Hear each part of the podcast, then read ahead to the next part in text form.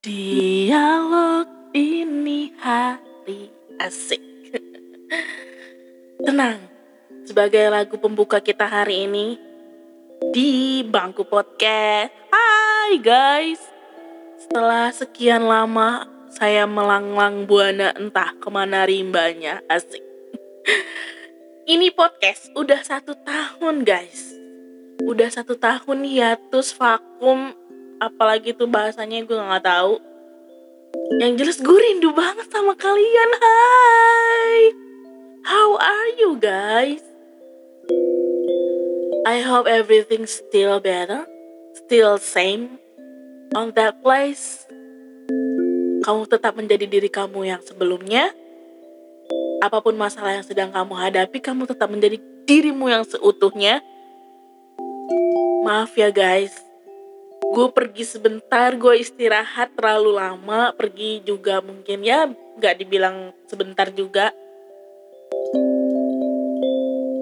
Banyak banget hal yang udah gue laluin selama satu tahun ini yang gak sabar gue pengen bagi sama-sama kalian. First of all asik. First of all. Siang ini cerah banget kebetulan langit. Di kota gue udah berapa bulan terakhir eh nggak berapa bulan ya berapa minggu terakhir ini lagi sendu-sendunya nih guys. Masih apa? Dilanda hujan. Mm-mm. bawaannya tuh mager pengen rebahan scroll tiktok siapa yang kayak gitu. Dan that's okay loh guys. Gak apa-apa take a break, take a break, itu nggak masalah. Ambil jedamu, ambil istirahatmu, nikmati dirimu, nikmati apa pun yang membuat kamu tenang. Itu tidak ada larangan dan itu normal.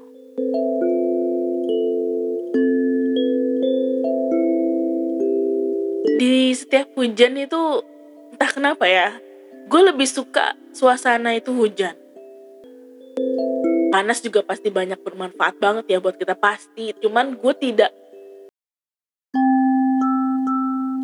karena bagi gue hujan itu bisa bawa apa pun yang ada gitu.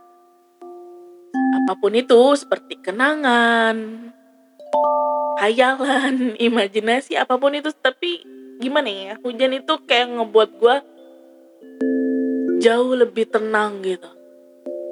Walau walau. Ada kejadian yang tidak bisa gue lupakan seumur hidup.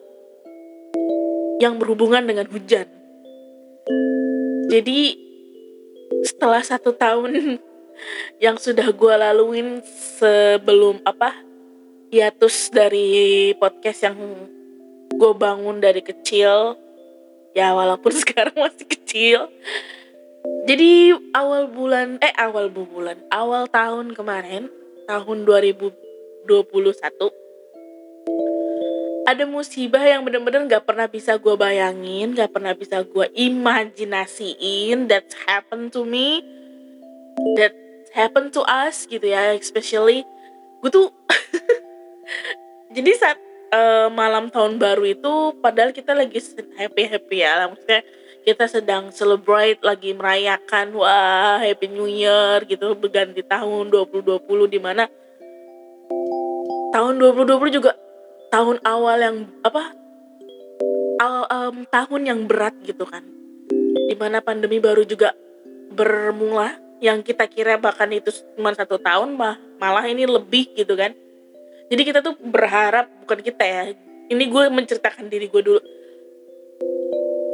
gue tuh berharap gue berdoa berandai maybe bersemoga bahwa 2021 gue ini be better lah gitu. Apa pun yang terjadi mau pandemi mau badai mau apa gue pengen menjadi diri gue yang lebih kuat dari sebelumnya atau cara pandang gue melihat dan memandang suatu masalah itu bisa lebih baik gitu kan. Tapi saat itu terjadi besoknya tanggal 2 Januari hujan tidak berhenti guys hujan lebat selebat lebat lebat lebat, lebat. gak pernah uh, maybe pernah cuman gak pernah dipikirin karena saat mungkin sebelum sebelumnya ya belum pernah terjadi apa-apa kan tapi saat itu dari tanggal 2 sampai tanggal 3 itu hujan gak ada hentinya dari pagi sampai ke malam, pagi sampai ke malam. Nah, di tanggal 3, tepatnya di tanggal 3 itu, mungkin karena sudah bendungan. Jadi perumahan gue itu dikelilingin dengan um, apa dibilang ya sungai-sungai kecil gitu loh bukan sungai kecil gitu juga sih maksudnya gini di nggak jauh dari perumahan gue itu ada pelabuhan atau kita tuh deket dengan laut ya. Nah, sebelum um, gimana sih ngejelasinnya? Pokoknya perumahan gue ini tuh di tengah-tengah perairan yang aktif gitu loh. Ada sungai yang mengalir ke muara dan muaranya itu tuh deket kita. Nah, muara ini bakal mengalir ke laut. Nah, kita tuh di tengah-tengah antara sungai dan laut gitu. Nah, um, di perumahan gue ini ada sekitar 8 atau 90 rumah itu dikelilingi oleh pagar, tapi pagarnya itu tidak besi. Pagar itu pagar tembok batako biasa yang belum diplester gitu, guys.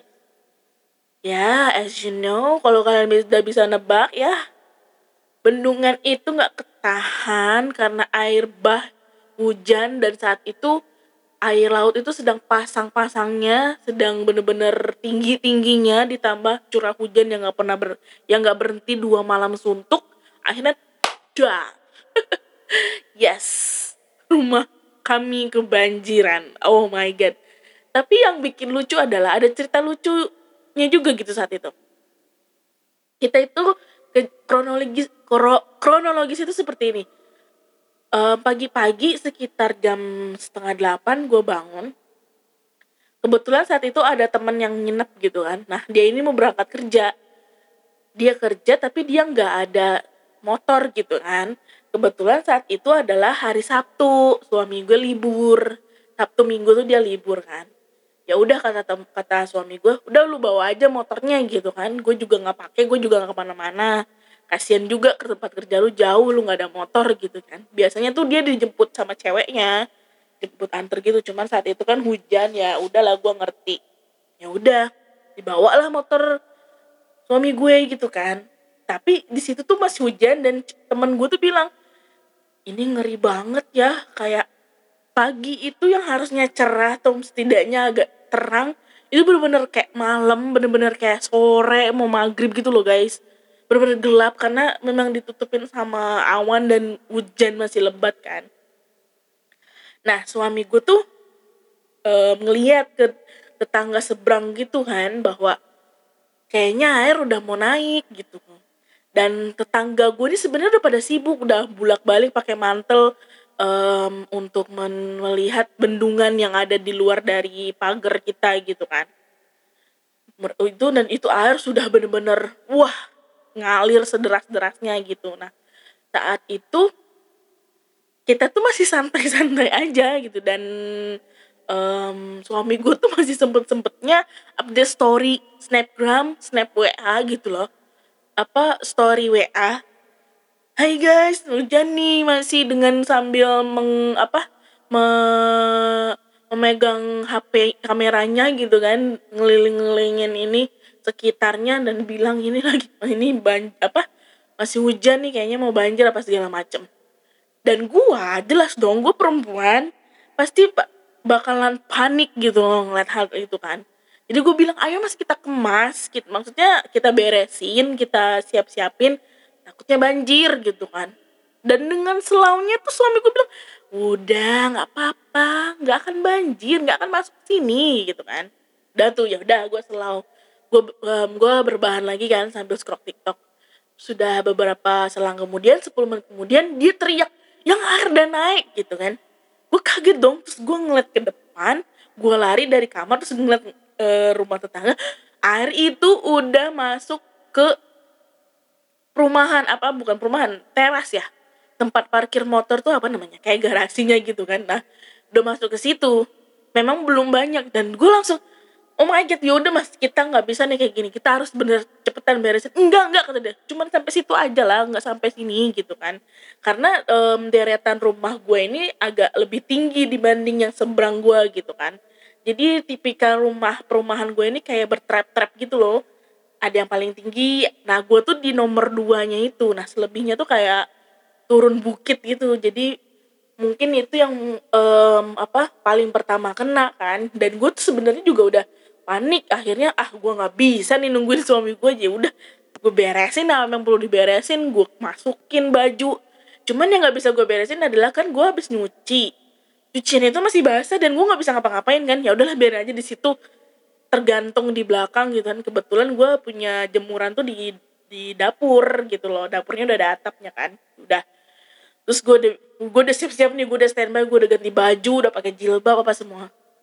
Tapi teman gue tuh sebel saat itu tuh gue sebel banget sama suami gue dia tuh masih tetap santuy. Santuy banget dia ya udah dia masih juga story in WA-nya apa uh, bikin story WA dan dia masih cepet-cepetnya upload itu ke WA dia.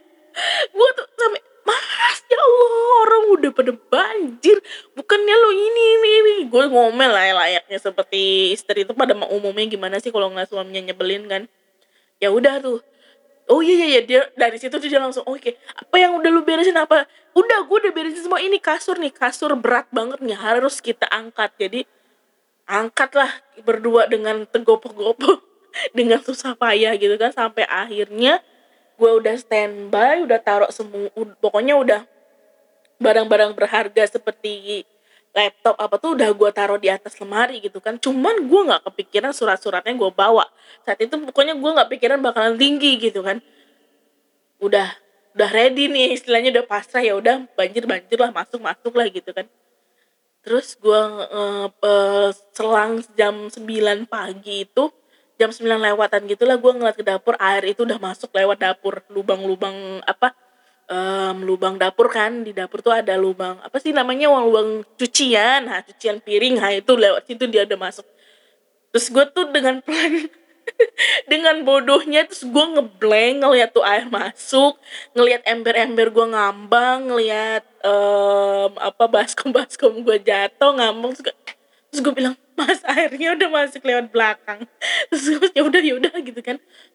Tapi itu tuh di apa ya nggak lama gitu guys. Itu tuh cuman ber berapa ya ber cuman hitungan detik doang itu sampai buh sampai penuh sampai set, uh, sekitar 70 atau 90 cm itu bayangin selutut gitu kan agak lebih lah gitu kan. Pokoknya mm, udah gitu. Udah kan um, gue udah ya udah kita tenang nih gitu kan ya udahlah kita pasrah mau masuk masuk lah gitu gitu kan cuman saat itu tuh karena kurangnya apa ya kurangnya komunikasi mungkinnya bisa dibilang kayak gitu um, lorong gue deretan rumah gue ini gue sama sebelah rumah gue tuh adalah rumah ah, yang paling terakhir untuk dievakuasi gitu. Kebetulan juga tetangga sebelah kanan gue ini baru lahiran gitu loh dan anaknya tiga masih kecil-kecil. Akhirnya gue cepet gercep banget dan kebetulan ada juga tim rescue dadakan dari perumahan itu gila. Gue nggak pernah ketemu nih ya. Gue adalah orang yang bisa dibilang ansos ansos tuh sih sebenarnya nggak juga, cuman menurut gue kalau nggak penting-penting banget ya gue males untuk keluar rumah dan gue juga nggak tahu sudah seberapa banyak ini perumahan udah diisi perumahan ini gitu kan. Tapi ketika saat itu gue ngeliat wah rame juga guys gitu kan. Dan itu mereka tuh bergotong royong untuk mengevakuasi tetangga gue dulu nih kan. Udah setelah semua selesai dievakuasi di uh, udah di tempat yang aman. Tinggal kami berdua gue sama suami gue kayak duduk eh nggak duduk kita berdiri kan. Karena saat itu udah udah langsung naik itu udah sampai sepinggang um, udah gitu kita nunggu kebetulan kami berdua nggak bisa berenang. Terus kita, dan gue juga takut air. Jadi gimana ya kayak gue tuh mau nangis tapi nggak bisa gitu loh. Gimana sih? Karena gue pikir saat itu adalah ini adalah musibah ini adalah bencana yang seharusnya buat gue bikin oh ini adalah salah ini ini adalah cobaan gitu loh entah kenapa saat itu tuh gue nggak punya kepinginan untuk nangis gitu kan. Cuman gue kayak sedih. Gue kayak ngeliat ya ampun selama ini gue cuman ngeliat di TV gitu loh Jakarta kebanjiran apa segala macem kan. Dan saat ini detik ini gue ngerasain apa yang mereka rasain. Dan rasanya oh kok kayak gini? gitu loh. Ngelihat semua tuh kerendam pot-pot kesayangan bapak gue bunga-bunga kesayangan gue tuh kayak udah hilang gitu kan cuman tinggal air-airnya aja. Dan kita berdua tuh sama suami gue tuh saling saling berpandangan gitu kan. Kita ngerasain juga ya mas gitu. Sampai akhirnya setelah kita nunggu kalau nggak salah sekitar 10 sampai 15 menit ada tim rescue lagi dan nyuruh kita untuk um, segera segera ini kan segera naik ke tempat yang lebih aman. Karena takutnya akan menambah lagi debit ketinggiannya gitu kan. Ya udah dengan berpegangan tangan berdua saat itu tuh tim rescue-nya agak jauh dari kita. Karena dia entah dia tuh mau ke mana gue juga gak ngerti. Dia juga ngontrol mungkin kan jadi kita jalan berdua bener-bener ngeraba yang gue takutin tuh kan di deket rumah di, di di perumahan gue ini ada parit yang sangat besar dan tinggi. Gue tuh takutnya ke aduh pokoknya saat itu udah pikirannya udah macem-macem takut ada ular lah takut ada tikus atau apa pun. Gue tuh takutnya itu gue pengen cepet-cepet ayo cepet cepet cepet gitu. Sampai akhirnya alhamdulillah udah di um, sampai aman di tempat yang lebih tinggi gitu kan dan di, di situlah dibuat um, tempat pengungsi dadakan di mana gue baru ngeliat tetangga-tetangga gue yang oh rupanya banyak gitu loh. Rupanya beraneka macam orang ya bun gitu. Gue kira sendiri doang soalnya perumahan gue ini beda. Nggak tahu nih ya pokoknya dari empat blok sedekat rumah gue ini di blok ini nih itu tuh kayak orangnya tuh kayak masing-masing aja karena kan mereka masih pada muda juga gitu kan. Jadi kayak mereka muda terus mereka juga bekerja gitu loh. Jadi kayak sore tuh uh, pagi tuh udah sepi sampai siang tuh sepi. Udah kayak nggak ada penghuni tapi saat itu tuh gue kaget ah, rame juga gitu dan alhamdulillahnya tuh mereka saling kompak. Itu sih dan gue juga sempat ngobrol kan sama ibu-ibu yang um, rumahnya terendam parah. Dia itu sampai hampir sedada ya. Kalau gue kan di rumah itu cuman sepaha aja. Dan ini sedada. Dia tuh bener-bener aduh gue sedih sih dengerin di saat itu. Dan dia itu juga nangis gitu kan. Cuman entah kenapa saat mereka bilang udahlah gue apa nggak mau lagi di rumah ini mau di over credit rumahnya atau mau dijual apa apa pun gitu kan. Jadi gue bilang gini musibah ini tuh nggak ada yang tahu dan nggak ada yang mau. Yang namanya Malang itu nggak punya bau. Kalau kata istilah Melayu itu Malang tuh tak berbau gitu loh. Maksudnya ya kita nggak pernah tahu. Terus kalau dengan kita menyesali hal yang udah kita apa yang udah kita ambil yang udah kita lakuin itu hanya adalah hal yang percuma gitu ngapain sih kita tuh? Yang maksud gue di sini adalah udahlah kita ini lagi disusahin udahlah kita ini lagi susah ditimpa musibah. Please jangan berpikir yang negatif gitu loh. Berpikirlah yang positif bahwa ini akan tepat surut keadaan akan mulai baik-baik aja gitu loh. Itu sih sebenarnya. Gue bener-bener gak ah gue sumpah guys gue tuh saat itu ngerasa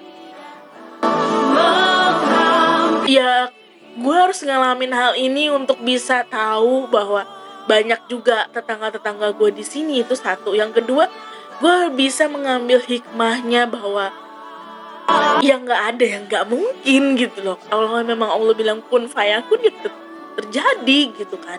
Dan gue nggak nggak ada pen, uh, rasa penyesalan dalam diri gue bahwa gue udah ngambil rumah di sini gitu kan gak ada nggak ada sama sekali perasaan kayak gitu. Gue cuma pengen langsung ngerasa pengen udah gue pengen selesai gue ini pengen cepet berlalu.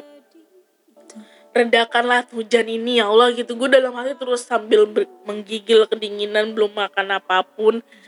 Bener-bener tapi kenapa ya? Alhamdulillahnya tuh gue kayak berpikir ya ini cobaan buat gue gitu. Karena dengan itu tuh gue jadi kuat gitu kan kok jadi nangis sih nih tapi bener saat itu tuh ke, ke keadaan tuh bener-bener mencekam gitu loh. Langit hitam gak ada sama sekali cahaya. Dan bener-bener gue tuh kayak kayak inget nokap gue gitu kan. Kayak inget keluarga. Karena bener-bener guys perumahan gue ini aksesnya tertutup. Dari mana pun gak bisa masuk gitu loh. Jalan apa mertua gue aja mau udah bulak balik katanya ke tempat gue tuh dari pagi sampai siang tuh jalanan gak bisa dilaluin gitu. Sedangkan logistik kita tuh makanan tuh nggak ada. Kayak cuman ad, apa yang tersisa dari orang-orang yang tidak kena itu aja. Kayak teh mie apa um, instan biskuit biskuit gitu kan. Cuman nggak ada rasa lapar tapi gimana ya lapar. Cuman gue tuh kayak gak mau makan dan gue juga kayak gak mau nangis. Dan saat itu gue bener-bener tegar gitu. Gue malah menenangkan ibu-ibu yang ngebayang apa yang bilang dia baru masak ikan ya baru matang apa segala macem gitu kan. Minum dulu guys.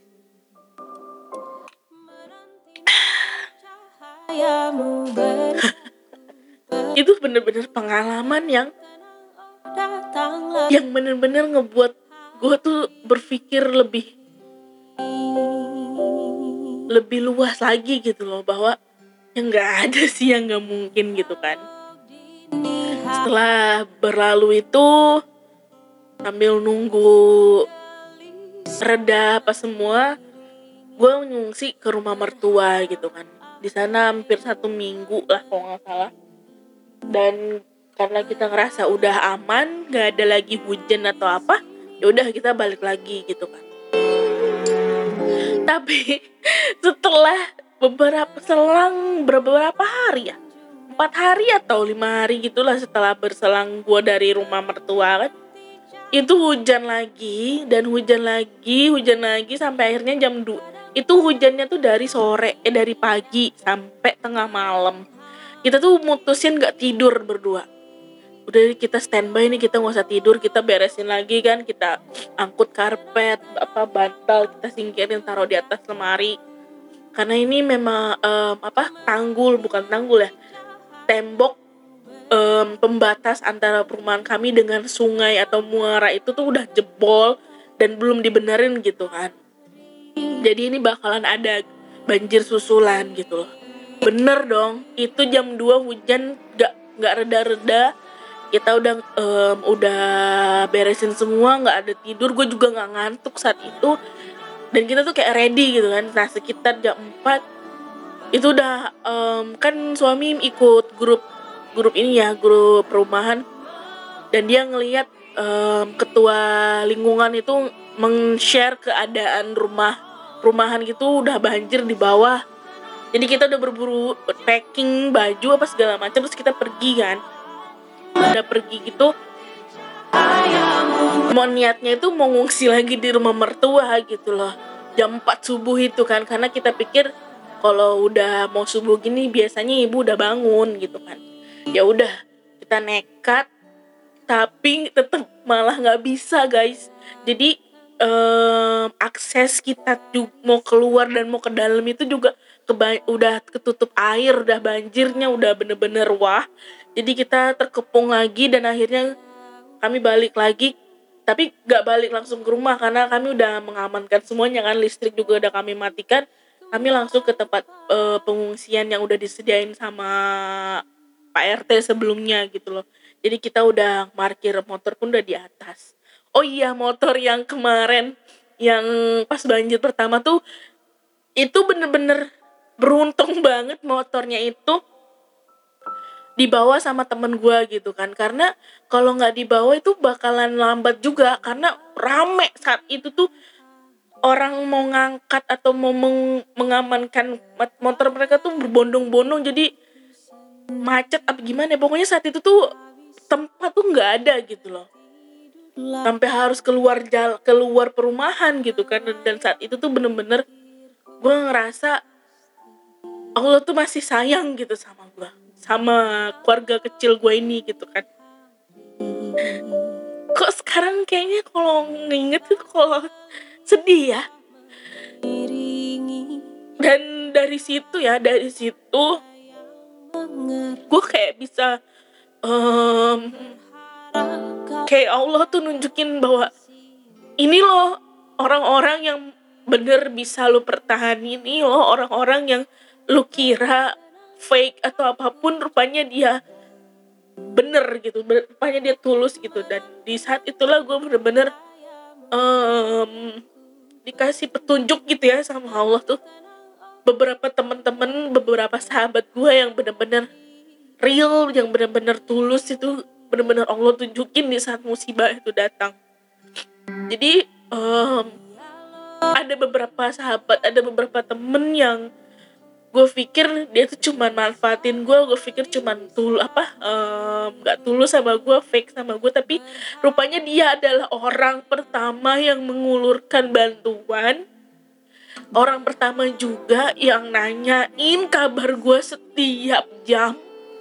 Yang bener-bener nelponin gue sampai saat itu kebetulan HP lobet gitu kan. Terus gue bilang gue usah nelfon HP gue lobet gue nanti nggak bisa um, hubungin siapa pun. Karena kan keadaan saat itu bener-bener mencekam lampu mati gitu kan. Itu bener-bener apa ya gue nggak nyangka gitu loh. Temen-temen yang gue kirim cuman manfaatin gue tuh oh rupanya mereka care gitu loh. Segitu carenya sampai yang punya temen yang pinjam motor tuh dia kalau misalnya bisa pergi dia pergi. Karena memang seluruh hampir seluruh di kota gue ini kena banjir gitu kan. Dan dia juga kerja yang nggak bisa izin. Dan ada juga beberapa sahabat gue yang malah tutup mata tutup telinga. Um, ya seakan-akan nggak peduli dan malah menanyakan hal yang nggak masuk akal gitu loh. Yang yang kalau lu tahu tuh bakalan lu bingung ini beneran sahabat atau bukan gitu. Loh gue sebenarnya nggak mau apa ya nggak mau mengakumulasi lah. Misalnya kayak gini kan ada sebutlah satu sahabat. Dia itu um, cuek atau bahkan dia menanyakan hal yang nggak mungkin itu tadi yang gue sebut. Terus gue hanya karena itu gue jadinya menyangka dia tidak sayang sama gue atau tidak tulus sama gue tidak. Dari dari situ bahkan itu adalah awal mulanya. Awal mulanya gue tahu bahwa gue memang nggak bisa sama dia dan dia juga nggak bisa sama gue gitu loh maksudnya. Ini dalam hal sahabat ya bukan dalam hal percintaan atau segala macam. Dari dari awal bencana itu musibah itu tuh bener-bener ngebuat gue jadi orang yang gue lebih kayak selektif lagi gitu dalam memilih hal memilih lingkungan gitu kan. Dan gue juga jauh lebih bersyukur saat itu bener-bener gue masih diselamatin gitu. Bodoh amat lah dengan um, harta benda yang apa gimana. Tapi alhamdulillah memang juga nggak ada barang-barang yang terlalu berharga gitu kan. Dan setelah banjir itu um, membersihnya tuh pembersihan rumah gue tuh bener-bener dibantu banyak orang. Yang bener-bener ada orang peduli. Gue bener-bener terima kasih banyak sama orang-orang yang gak pernah gue minta gak pernah gue suruh tapi mereka dengan dengan apa ya dengan langkah yang gampang dengan langkah yang ringan mereka ngeluarin tangan. Ini kadang gue mikir gini ya oh iya ya gue ngerasa beruntung gue ngerasa diselamatin lagi mungkin karena doa doa dari orang tua gue dari ibu dari mertua gitu kan. Gue dikelilingin orang-orang baik dan Allah selalu nunjukin siapa yang enggak siapa yang baik itu tuh bener-bener ngebuat gue kayak gue bener-bener bersyukur gitu. Walaupun sebenarnya ya gue kadang kufur gitu. Tapi terima kasih itu terima kasih Tuhan terima kasih ya Allah karena sampai detik ini gue masih dilindungin gue masih dikasih kesehatan gitu kan jadi awal pembuka tahun ini tuh kayak bener-bener drama banget. Sedih mencekam seram. Tapi gue bener-bener bersyukur karena dari aku sedih banget sih. Karena dari musibah itu gue bisa gue bisa tahu siapa yang pantas gue pertahanin siapa yang pantas gue perjuangin gitu loh. Karena kalau kalian tahu gue adalah orang. Gue adalah sosok teman. Gue bukan memuji diri gue ya tapi beginilah. Gue tuh pengen kasih tahu bahwa gue tuh adalah orang pertama. Orang yang bakal berdiri pertama untuk ngelindungin teman-teman gue untuk ngelindungin sahabat-sahabat gue gitu loh. Gue adalah orang pertama yang menjadi perisai mereka. Gue adalah orang pertama yang bakalan ngebela mereka sesalah apa pun mereka gue pasti berada di pihak mereka gitu loh. Lu bisa tanyain nanti sama temen-temen gue atau sama sahabat gue jadi yang salahnya gue adalah gue tuh terlalu berharap saat itu. Gue terlalu berharap bahwa ya kan gue udah baik nih sama kalian kan gue udah istilahnya gue udah nyerahin seluruh jiwa raga gue untuk mem, apa untuk melindungi kalian gitu loh. Terus ketika gue susah kalian ke kalian ke mana? Kok kalian nggak ada? gitu kan. Itu yang salahnya. Seharusnya tidak seharusnya tidak begitu kan. Yang namanya kebaikan itu tidak boleh pamrih. Yang namanya kebaikan itu ya kalau memang baik ya udah berbuat baik dan itu kewajiban gitu kan. Masalah itu uh, orang itu bakal membalas atau tidak ya udah itu urusan mereka gitu. Cuman saat itu ekspektasi gue tuh terlalu berlebihan sampai akhirnya ngebuat gue sakit sendiri. Nah seiring berjalannya waktu itu ya gue udah kayak oh iya iya Allah tuh udah nunjukin gitu kan. Mana yang patut kamu jaga mana yang patut kamu udah tinggalin. Anggap itu semua pelajaran gitu kan. Aku merindu gue jadi nangis jadi melau. Begini aduh minum dulu guys. Dari gelap itu. Aku kembali padamu. Ini memang mungkin musiknya juga kita ganti aja kali ya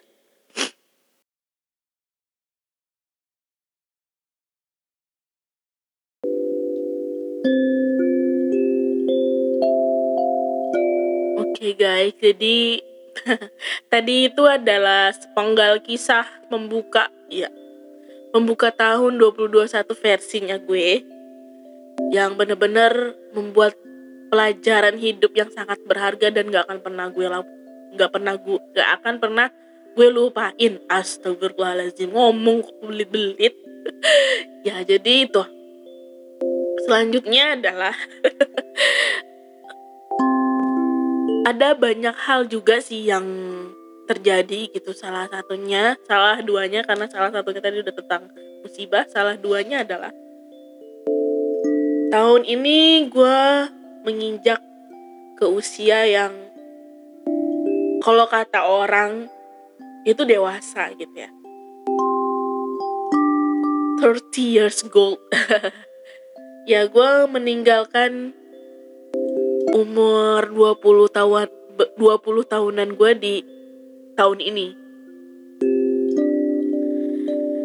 Gimana ya? Apa cuman gue doang yang ngerasain bahwa setiap mendekati hari lahir kalian tuh kalian kayak gelisah.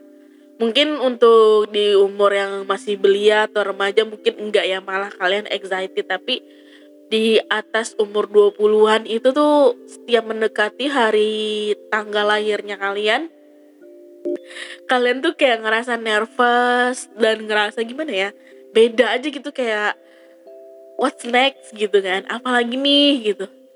Atau bahkan kalian mungkin malah nggak nggak nggak gue nggak mau gue nggak mau gue belum jadi apa apa gue belum ini belum itu gitu ya. Gue dulu ngerasain itu di quarter life krisisnya gue yang pertama gitu loh. Di umur 25 gue ceritain dari awal ya. Kalau gue ini dulu sekolahnya telat 2 tahun masuk SMP jadi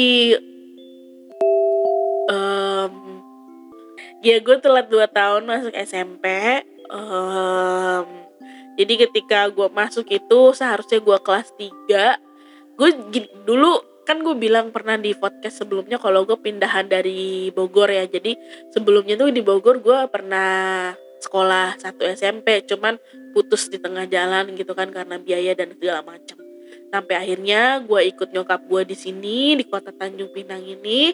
Gue kembali lagi ke kelas 1 yang seharusnya kelas 3 gitu kan. Karena um, gurunya juga bilang gak akan bisa. Takutnya gue nggak bisa mengikuti pelajaran atau segala macam kan jadi ya udah gue ngulang lagi kelas 1 SMP um, gimana ya? Gue tuh kaget cukup kaget ngeliat um, budaya yang ada dan tradisi juga yang ada di sini. Budaya tradisi bahasa ya yang gue pikir yang bener-bener bertolak belakang banget gitu dengan keadaan gue dulu di Bogor gitu kan tapi itu kita skip aja nanti bakalan gue cerita lagi di story of my life. Nah gue tuh ya seperti biasa gue meni apa melewati masa-masa SMP cuman kan saat itu gue umur 17 tahun itu masih kelas 3 SMP gitu loh yang di mana temen-temen gue baru 15 tahun kan. Nah itu udah bikin gue kayak duh gimana nih? Tapi ya saat itu karena gue mungkin bergaulnya dengan anak-anak di bawah gue juga kayak ya udah sih fine fine aja gitu kan. Sampai akhirnya gue di SMA kelas 1 tuh udah kelas sekelas 10 itu gue umurnya 18 tahun. Jadi pas lulus sekolah umur gue itu 20 tahun gitu. Dan gue ketemu sama suami gue itu di kelas 11 ya waktu habis magang. Nanti kalau itu juga bagi, akan gue ceritain di bagian story of my life. Kalau kalian minat kalau enggak ya udah bakalan tetap gue bikin. Kok tenang aja. Jadi um, dari situ aja dari lulus SMK aja gue udah 20 tahun gitu kan. Cuman naifnya gue adalah saat itu ya udah nggak apa-apa sih mau gue lulus 20 tahun kayak mau lulus di umur 21 tahun emang ada masalah gitu kan. Yang begitu polosnya gue saat itu dia tidak menyangka bahwa ekspektasi-ekspektasi itu bisa berubah. Bahkan nggak akan pernah terjadi gitu kan. Nah naifnya gue saat itu.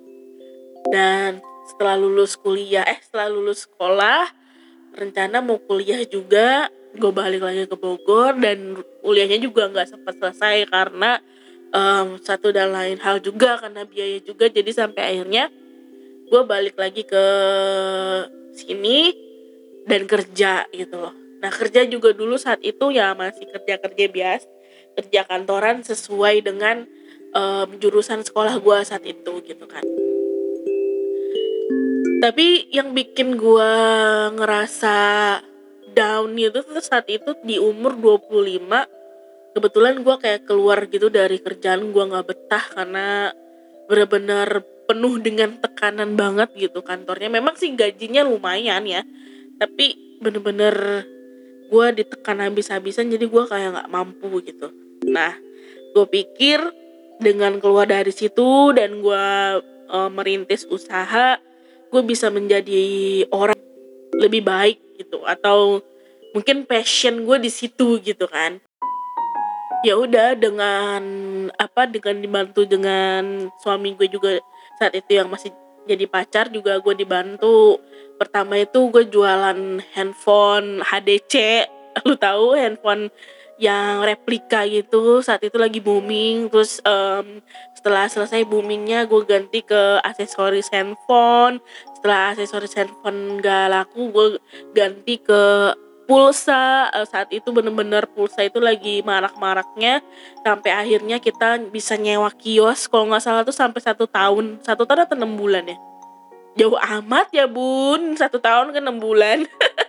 Ya kalau nggak salah sih enam bulan karena iya kalau nggak salah tuh kiosnya nerusin punya temen temennya pacar gue gitu yang sekarang suami gue gitu kan. Terus sampai akhirnya gue ngerasa kayaknya ini nggak cukup untuk ngebiayain diri gue sendiri gitu kan. Dan as Jun sebagai informasi juga gue dulu di sini dari lulus apa dari kepulangan gue dari Bogor itu ke sini gue ngekos di sini. Dan itu juga bakalan gue ceritain kalau misalnya kalian mau di part lain ya um, setelah itu gue coba untuk ngelamar kerjaan lagi di tempat yang baru yang bagus juga.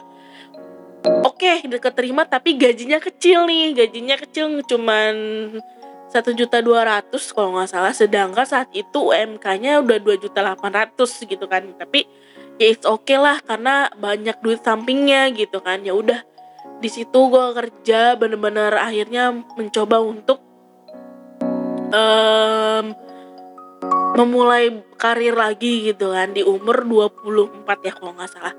Nah saat itu gue belum pakai jilbab kan belum pakai hijab. Gue punya ibu angkat yang bener-bener care banget dari gue dari SMP ibu angkat ini tuh ibunya temen gue juga jadi gue tuh dulu sering main ke rumah dia bahkan nginap di rumah dia. Ya deket lah gitu. Jadinya dan gue juga nganggap dia ibu. Makanya gue panggil ibu juga kan. Dia ibu angkat gue uh gue juga sayang banget sama dia.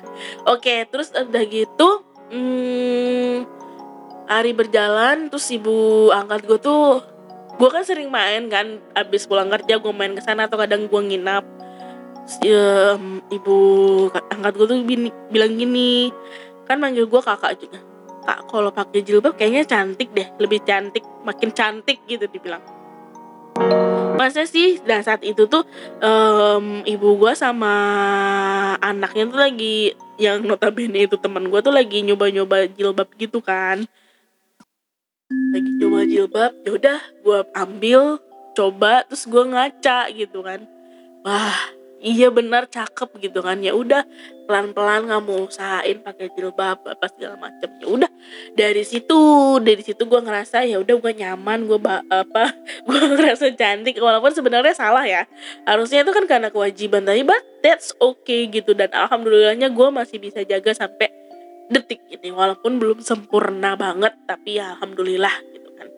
Perlahan pelan pelan insya Allah. Nah setelah itu uh, di umur 25 gue tuh kayak ngerasa gue hidup gue gini gini aja gitu kan. Dan gue tuh udah pacaran sama um, apa sama suami gue tuh udah lima tahun gitu kan. Dan belum ada apa ya belum ada arah untuk ke lebih serius gitu kan. Sedangkan gue juga udah ditanya nih sama nyokap gue sendiri bahwa uh, apa apa sih selanjutnya gitu kan? Lu udah nggak kuliah terus lu juga udah kerja terus apa lagi yang kalian tunggu? Eh gimana ya? Saat itu tuh bener-bener gue inget banget di tahun 2015 itu tuh bener-bener saat gue ngedown. Gak tahu kenapa gue lupa gue resign lagi dari kerjaan gue. Terus gue jualan cappuccino cincau iya gue inget banget jualan cappuccino cincau di pinggir jalan. Dibantu juga sama doi saat itu. Dan itu tuh bener-bener bagian hidup apa part hidup gue yang paling rendah gitu. Bukan masalah jualannya ya. Disclaimer nih itu tuh berbarengan dengan maksudnya gini saat itu kan gue jualan. Um, jadi saat itu tuh pas gue jualan itu bener-bener mental gue juga ngedown banget. Masalah keluarga masalah percintaan juga gitu kan. Di mana gue juga um, ibu dari suami gue tuh nggak setuju gitu kan sama gue nggak setuju um, suami gue nih berhubungan sama gue dan minta gue putus nah itu gue bener-bener dan banget. Gue diputusin sama dia gara-gara ibu dia nggak suka sama gue gara-gara gue gendut gitu kan. Jadi ya udah.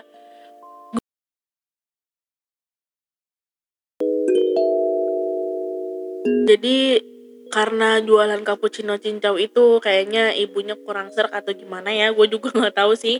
Um, akhirnya gue diputusin sama pacar gue yang jadi suami gue sekarang ini gue diputusin dengan alasan bahwa gue itu gendut lah apa segala macam gitu. Nah itu tuh bener-bener ngebuat gue down banget karena saat itu tuh gue pikir tuh gini kalau putusnya itu karena pacaran atau doi itu selingkuh atau doi kita tuh memang sering ribut atau memang gak ada kecocokan apa segala macam itu bisa masuk akal dan setidaknya ya gue bisa lebih meyakinkan diri gue gitu bahwa ya udah lu better dapet yang lebih baik gitu kan. Tapi saat itu tuh alasannya tuh konyol banget gitu loh. Yang benar-benar bikin gue kayak segitu hinanya gue gitu loh. Padahal gue juga udah ngelakuin hal beberapa banyak hal banget dan yang, yang doi juga tahu gitu. Gue berusaha untuk ngurangin makan lah nggak nggak nggak makan yang manis-manis atau gimana gue juga ada berusaha untuk menurunkan berat badan gue gitu kan. Bener-bener kok kayak gini gitu loh apa karena gue nggak sarjana apa karena gue nggak kerja di tempat yang baik atau gimana. Dan gue juga kayak nyalahin kenapa sih kok gue nggak kayaknya nggak kayak orang-orang nggak kayak yang lain-lain. Di saat mereka udah punya pacar yang setia yang selalu ada di samping di sampingnya mereka terus punya kerjaan yang stabil. Ya kayaknya hidupnya tuh baik-baik aja gitu kan apalagi saat itu lagi marak-maraknya Facebook. Gue bisa ngelihat status mereka tuh happy happy something like that. Padahal setelah gue ngelewatin hal-hal yang perih itu selama tiga bulan dan sampai sekarang gue juga flashback tuh kayak gue ya bener kata orang Jawa gitu loh. Patah orang Jawa yang bilang sawang sinawang itu gitu bahwa apa yang terlihat itu belum tentu seperti yang dilihat gitu kan. Kita ngelihat status orang baik ngelihat status orang bahagia tapi kita tuh nggak pernah tahu apa yang udah mereka alamin di belakangnya apa yang udah mereka korbanin sacrificing di untuk menghasilkan sesuatu yang lebih bahagia yang saat mereka posting gitu kan. Dan gak mungkin mereka bakalan mengeposting hal-hal yang bikin apa hal-hal yang menyakitkan, hal-hal yang membuat mereka menderita gitu kan. Karena ngapain gitu kan? Pasti kita juga akan mempost atau membuat satu kenangan bahagia kan pastinya. Dan di saat itu tuh gue bener-bener tapi alhamdulillahnya ya nyokap gue tuh selalu ada gitu untuk gue bener-bener gue nggak ditinggalin. Kadang tuh ya bisa nih lagi duduk lagi duduk biasa habis makan gitu kan. Tiba-tiba nangis. Itu tuh bener-bener gue tuh kayak ngerasa gue nggak berharga gitu loh. Gue bener-bener gila ya gue hidup. Cuman dipandang fisik doang ngapain sih? Gue kayaknya udah menjadi anak yang baik gitu loh. Walaupun gue ngekos atau gue jauh dari orang tua gue gue menjaga nama baik mereka gue nggak pernah macem-macem gitu loh. Gue juga berusaha buat diri gue sendiri gue nggak pernah morotin orang gue nggak pernah kepoin hidup orang tapi kenapa gitu kan?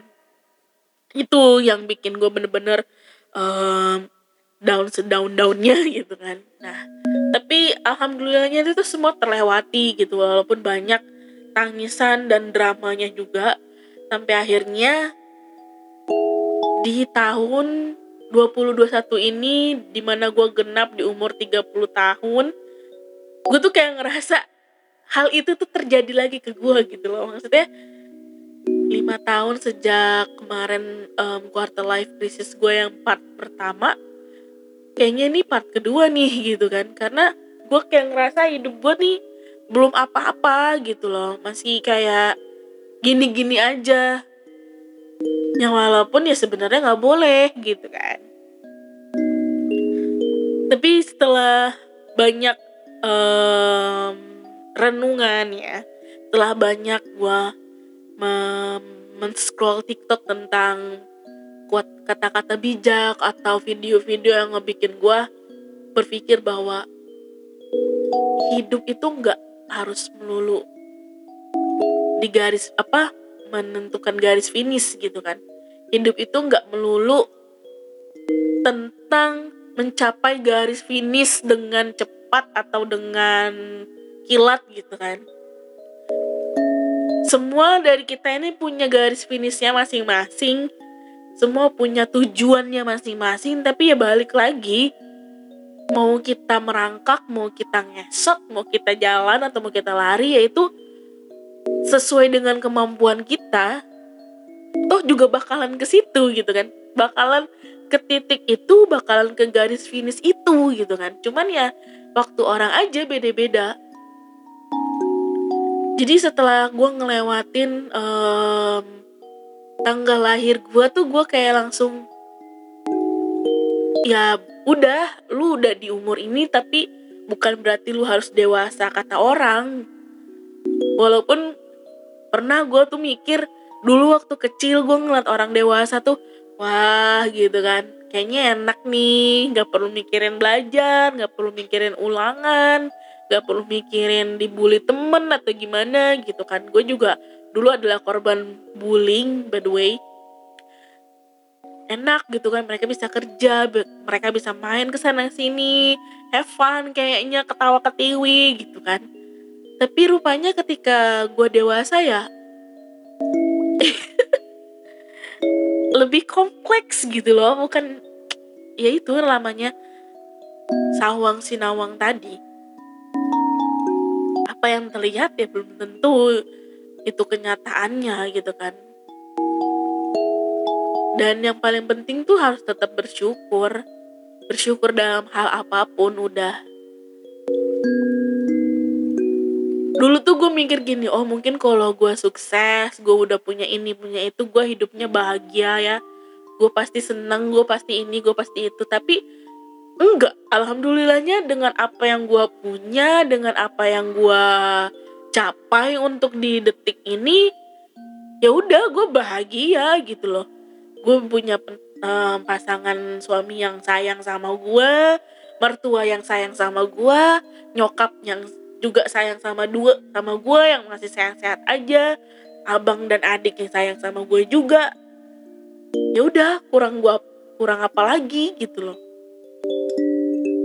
walaupun dari perjalanan kedewasaan gue ini gue menempatkan diri pada titik di mana gue tahu mana yang pura-pura, mana yang enggak gitu loh. Jadi sisi positifnya tuh itu. Kalau dulu kan gue tuh kayak meratakan aja kebaikan orang ya udah oh lu baik, ya memang lu baik gitu kan. Tapi sekarang tuh gue lebih kayak teliti, lebih jeli bukannya gue seujon. Bukan lebih ke arah seujon tapi kayak lebih menelaah dulu nih kebaikan yang orang kasih ini tulus atau ada apanya atau ada minta imbalannya atau gimana gitu loh jadi sampai akhirnya tuh gue bisa menilai oh ini orang gak bagus oh ini orang baik oh ini orang gini oh ini orang gitu. Jadi selain itu juga gue kayak mempersempit lagi lingkup pertemanan gue gitu ya bahwa saat dulu tuh gue sama siapa aja he gitu ayo lu mau temen sama gue ayo gue mau temen sama lu kalau lu boleh oke okay, lanjut gitu kan. Tapi sekarang tuh gue lebih kayak menyortir lagi kayak mempersempit lagi gitu kan gue ngerasa tuh gini dulu gue ngerasanya kalau nggak ada temen gue kesepian. Tapi kalau sekarang nih justru kalau gue sendiri gue have fun gue seneng gue bahagia karena gue nyaman gitu loh. Ya gue sendiri pun gue bisa jadi bahagia gitu loh. Kalaupun nanti ada temen atau sahabat yang datang ya itu menjadi pelengkap kebahagiaan gue gitu kan. Itu sih sebenarnya yang bikin gue um, kayak oh ya udah ini ada udah jadi jalannya hidup gue gitu kan terserah lah mau lu temenan sama gue ayo. Kalau lu enggak enggak gitu kan. Kalaupun gue nilainya lu nggak bagus nih buat jadi temen gue bye gitu. Ya udah gitu kan. Gue lebih kayak udah men-screening diri gue, men-screening otak gue dari segala macem overthinkingan overthinkingan gitu kan. Karena gue tuh capek jadi orang yang selalu memikirkan masalah orang tapi ujung-ujungnya tuh orangnya nyakitin gue gitu lah. Itu gue paling males gue nggak mau jadi apa ya orang jadi beban gue gitu kan. Kalau memang um, dia pantas untuk gue bebanin atau maksudnya dia pantas menjadi beban dalam hidup gue ya udah gue pertahanin tapi kalau enggak ya udah. Gue sekarang udah ngejalanin itu tuh yang udahlah simpel-simpel aja gitu. Capek gue ngidup uh, mikirin hidup gitu ya kan. Nah gue juga harap kalian seperti itu gitu loh mungkin sekarang kalian berpikir bahwa hidup kalian tuh berada di garis yang sama dari dulu nggak pernah beranjak nggak pernah geser ke depan nggak pernah melangkah gitu. Tapi kalian tuh salah bahwa ke dalam ketidaktahuan kalian kalian tuh sebenarnya sedang melangkah. Cuman ya itu waktu tuh untuk berputar di kalian tuh mungkin lama waktu tuh um, memberikan kesempatan untuk kali pada kalian untuk lebih melangkah tuh lebih berarti gitu jadinya.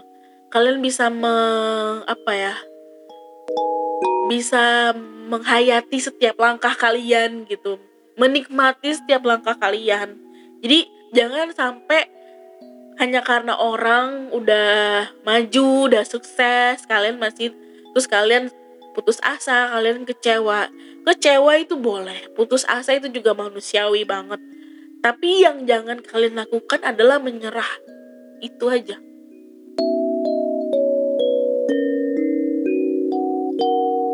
Panjang banget perjalanan kalian dan itu butuh waktu dan tenaga yang ekstra, guys itu nggak bisa serta merta pleng kalian bisa langsung berada di titik yang kalian mau enggak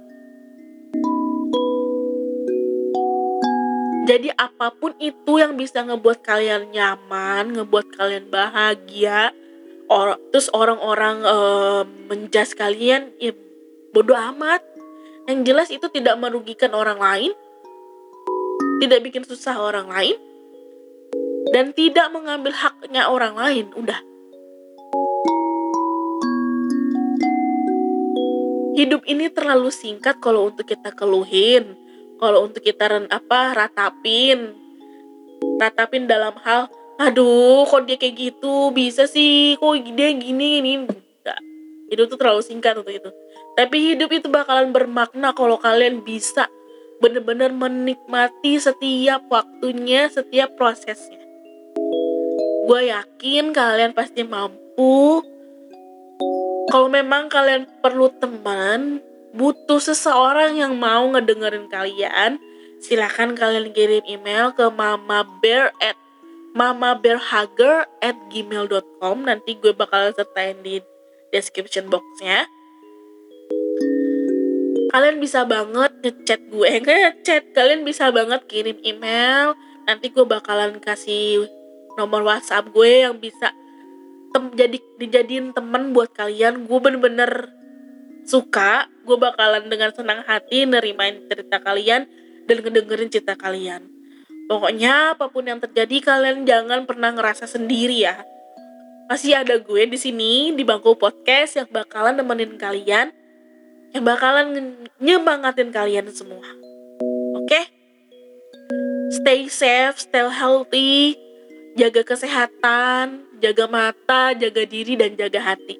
I love you guys. Sampai jumpa di next podcast. Bye. Assalamualaikum. thank you